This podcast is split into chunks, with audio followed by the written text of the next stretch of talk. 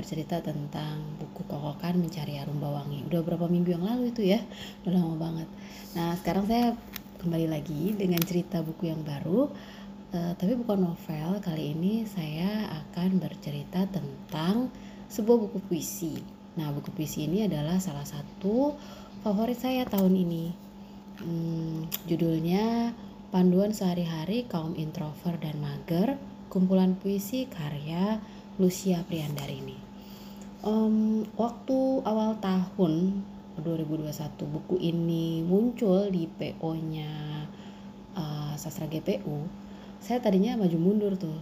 Beli enggak beli enggak ikut PO enggak ikut PO enggak ragu-ragu pengen tapi aduh uh, cocok nggak ya puisinya kayak gitu.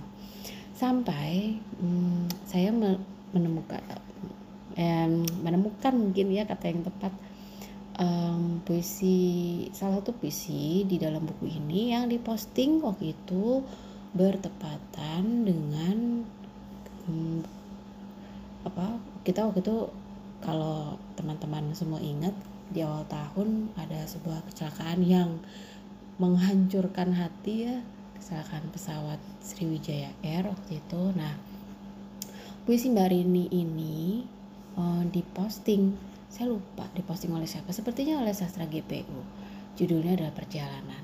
Saya bacakan ya. Perjalanan. Kita semua sedang dalam perjalanan. Salah jurusan pecah ban kendaraan tak kuat menahan beban. Kita semua sedang dalam perjalanan. Kadang lupa jarak aman. Tertikung dan jatuh, takut berjalan lagi. Kita semua sedang dalam perjalanan dan berharap hari ini belum saatnya pulang. Waktu baca puisi ini saya macam-macam gitu perasaan yang muncul. Ya sedih, ya um, terharu juga. Uh, tapi tapi terus terang puisi ini adalah yang menggerakkan saya untuk akhirnya oh saya harus nih punya buku ini. Kayaknya saya akan suka puisi-puisi di dalamnya dan betul sekali saya memang suka sekali puisi-puisi dalam buku ini. Saya mungkin hampir suka semua. Gak ada yang saya nggak suka kayaknya dari buku ini. Dari puisi pertama sampai puisi terakhir. Hmm, ada banyak sih yang saya suka dan semua puisi-puisi yang ada dalam buku ini itu terasa sederhana tapi tidak sederhana. Tapi yang pasti puisinya jelek banget ya. Kayak kayak saya tuh ngerasa kayak saya melakukan sesuatu terus kepergok gitu loh. Jadi kayak ih kok tahu sih? Jadi kayak ada malu sendiri kayak yang tapi juga ada puisi-puisi yang bikin saya ih iya bener banget. Ini dia bener banget nih apa yang gue rasain juga nih tentang topik ini gitu. Nah itu banyak sekali. Kayaknya hampir semua puisinya kayak begitu. Dan ini puisinya hmm, apa ya nggak menghakimi yang pasti puisinya.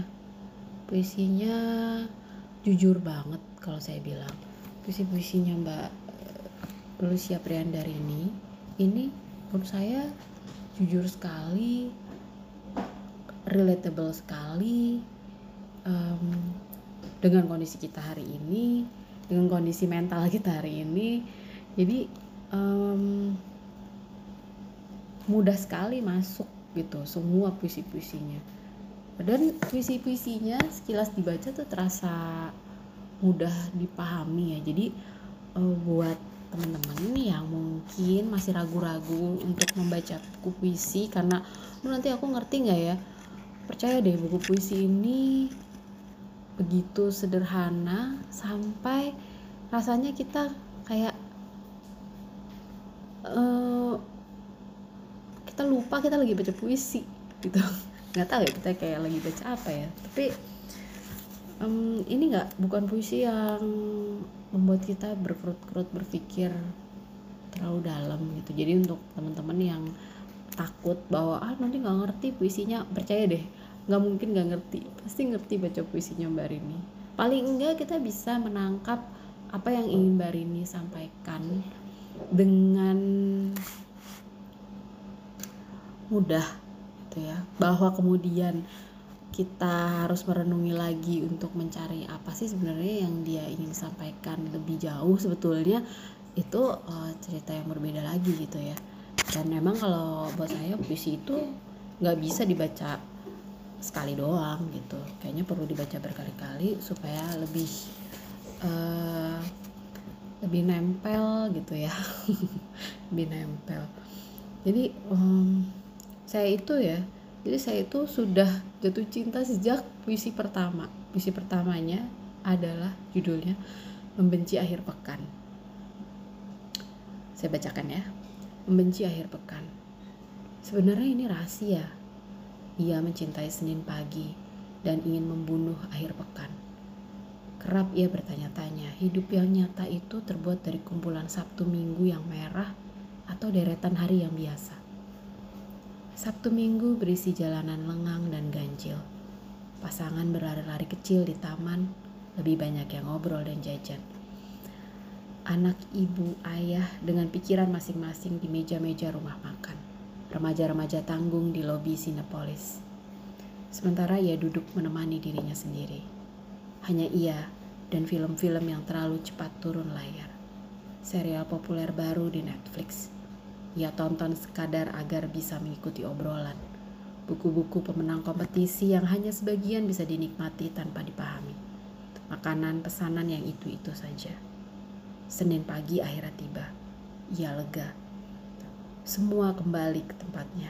Semua orang kembali menjadi sama dan setara, tertambat di meja kerja. Tidak ada yang lebih tampak bahagia, bergantung pada gaji yang masih lama naik. Rapat-rapat yang tak perlu, makan siang yang terlambat lagi, berkas-berkas yang tak pernah beres, cuti yang tak disetujui.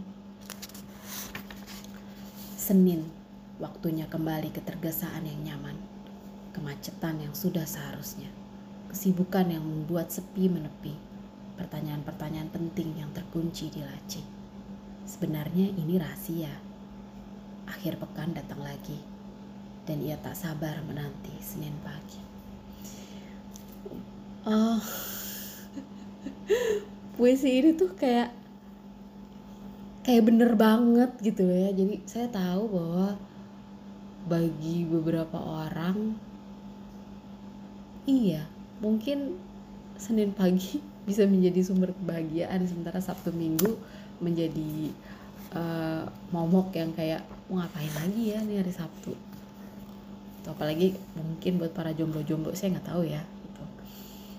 Um, saya tuh bahkan saya udah sudah terpikat dari puisi pertama. Terus ke belakang ke belakang makin ke belakang makin bagus. Makin saya terpikat. Um, ada banyak sekali yang saya suka. Nah salah satu yang juga saya suka adalah puisi rupa-rupa pura-pura. Saya baca lagi ya. Rupa-rupa pura-pura ada rupa-rupa pura-pura pura-pura miskin pura-pura bodoh pura-pura cinta pura-pura kaya pura-pura bahagia pura-pura tidak cinta pura-pura pintar pura-pura baik saja. Hari ini aku akan pura-pura untuk tidak pura-pura. Waktu baca puisi ini tuh saya saya bahkan jadi meragukan diri saya. Saya ini sebenarnya lagi lagi pura-pura tidak pura-pura atau betul-betul tidak pura-pura. Saya sih ngerasanya saya nggak pura-pura, tapi saya jadi bertanya lagi tuh. Jadi kayak meragukan diri saya sendiri. tapi emang tapi baca puisi ini tuh kayak ya bener banget gitu apalagi dengan media sosial gitu ya kita kita tuh bahkan kita sendiri mungkin ya kita kan nggak pernah saya nggak saya nggak tahu ya mungkin kita juga tidak memposting uh, sesuatu yang kita taruh di di media sosial kita adalah sesuatu yang sungguh-sungguh demikian adanya gitu. Itu kan sebuah narasi yang ingin kita sampaikan yang apa yang sebetulnya kan mudahnya singkatnya. Kita posting kan kita posting di media sosial itu kan hanya untuk kasih tahu apa yang kita pengen orang lain tahu tentang kita kan gitu mungkin saat kita sedih kita posting sesuatu yang ketawa-ketawa justru. Yang berlawanan dengan apa yang sebetulnya kita rasakan. Kayak gitu. Ya. Dan itu ada banyak sekali pura-pura gitu. Ada orang yang walaupun saya dulu nggak percaya ada orang pura-pura kaya tapi nyatanya ya memang betul ada. Ada orang yang pura-pura tidak cinta. Ya itu sih kayaknya memang ya semua yang disebutkan di puisi itu tuh kayak iya sih gitu benar. Nah jadi ya udah gitu. Jadi menurut saya ini ya puisi, buku puisi ini saat makin ke belakang tuh bener-bener makin makin jelek makin jelek makin jelek gitu. Makin makin menusuk ke jantung gitu loh. Ini makin saya ngerasa kayak kayak dipergokin. Ih dia tahu sih itu? Gitu kok benar? Gitu kayak kayak hal-hal seperti itu gitu um, nah tapi terus terang ya. Nah salah satu puisi jadi kalau saya baca buku apa pun termasuk puisi kadang-kadang hmm, kadang-kadang saya bisa sampai nangis gitu. Nah puisi yang bikin saya waktu itu nangis adalah ini yang judulnya terlalu pagi untuk jatuh cinta di ambang pintu, seorang bapak bersarung kotak, menggendong bayi, mengantarkan istrinya berangkat bekerja. Di kereta, pria muda tampan duduk membaca kumpulan cerpen murah kami. Dari pasar modern, seorang ibu keluar menentang tas-tas anyaman tanpa kantong kresek berisi sayuran.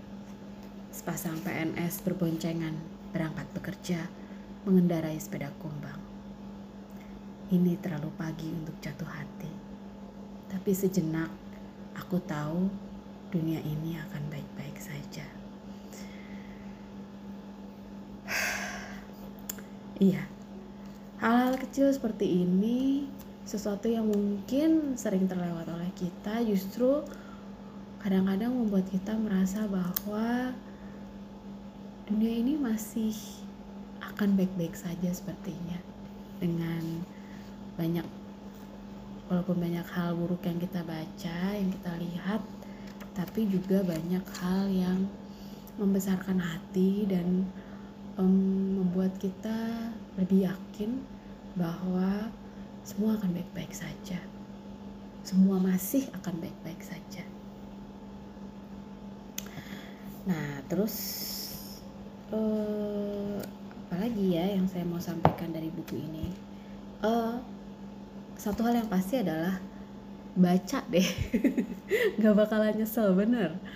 Uh, karena puisinya betul-betul memikat um, dalam dan jernih menurut saya. Um, menggunakan kata-kata yang sederhana tidak terlalu rumit tidak mengintimidasi uh, terasa ramah puisinya.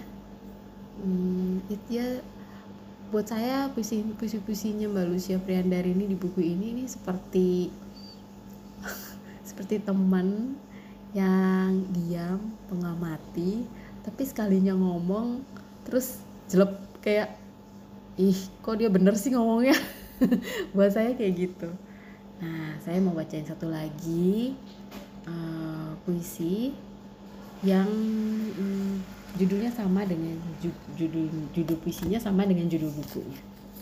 Ya, panduan sehari-hari kaum introvert dan mager. Hindari bertemu langsung. Gunakan surel atau telepon. Bahkan saat berada di gedung yang sama.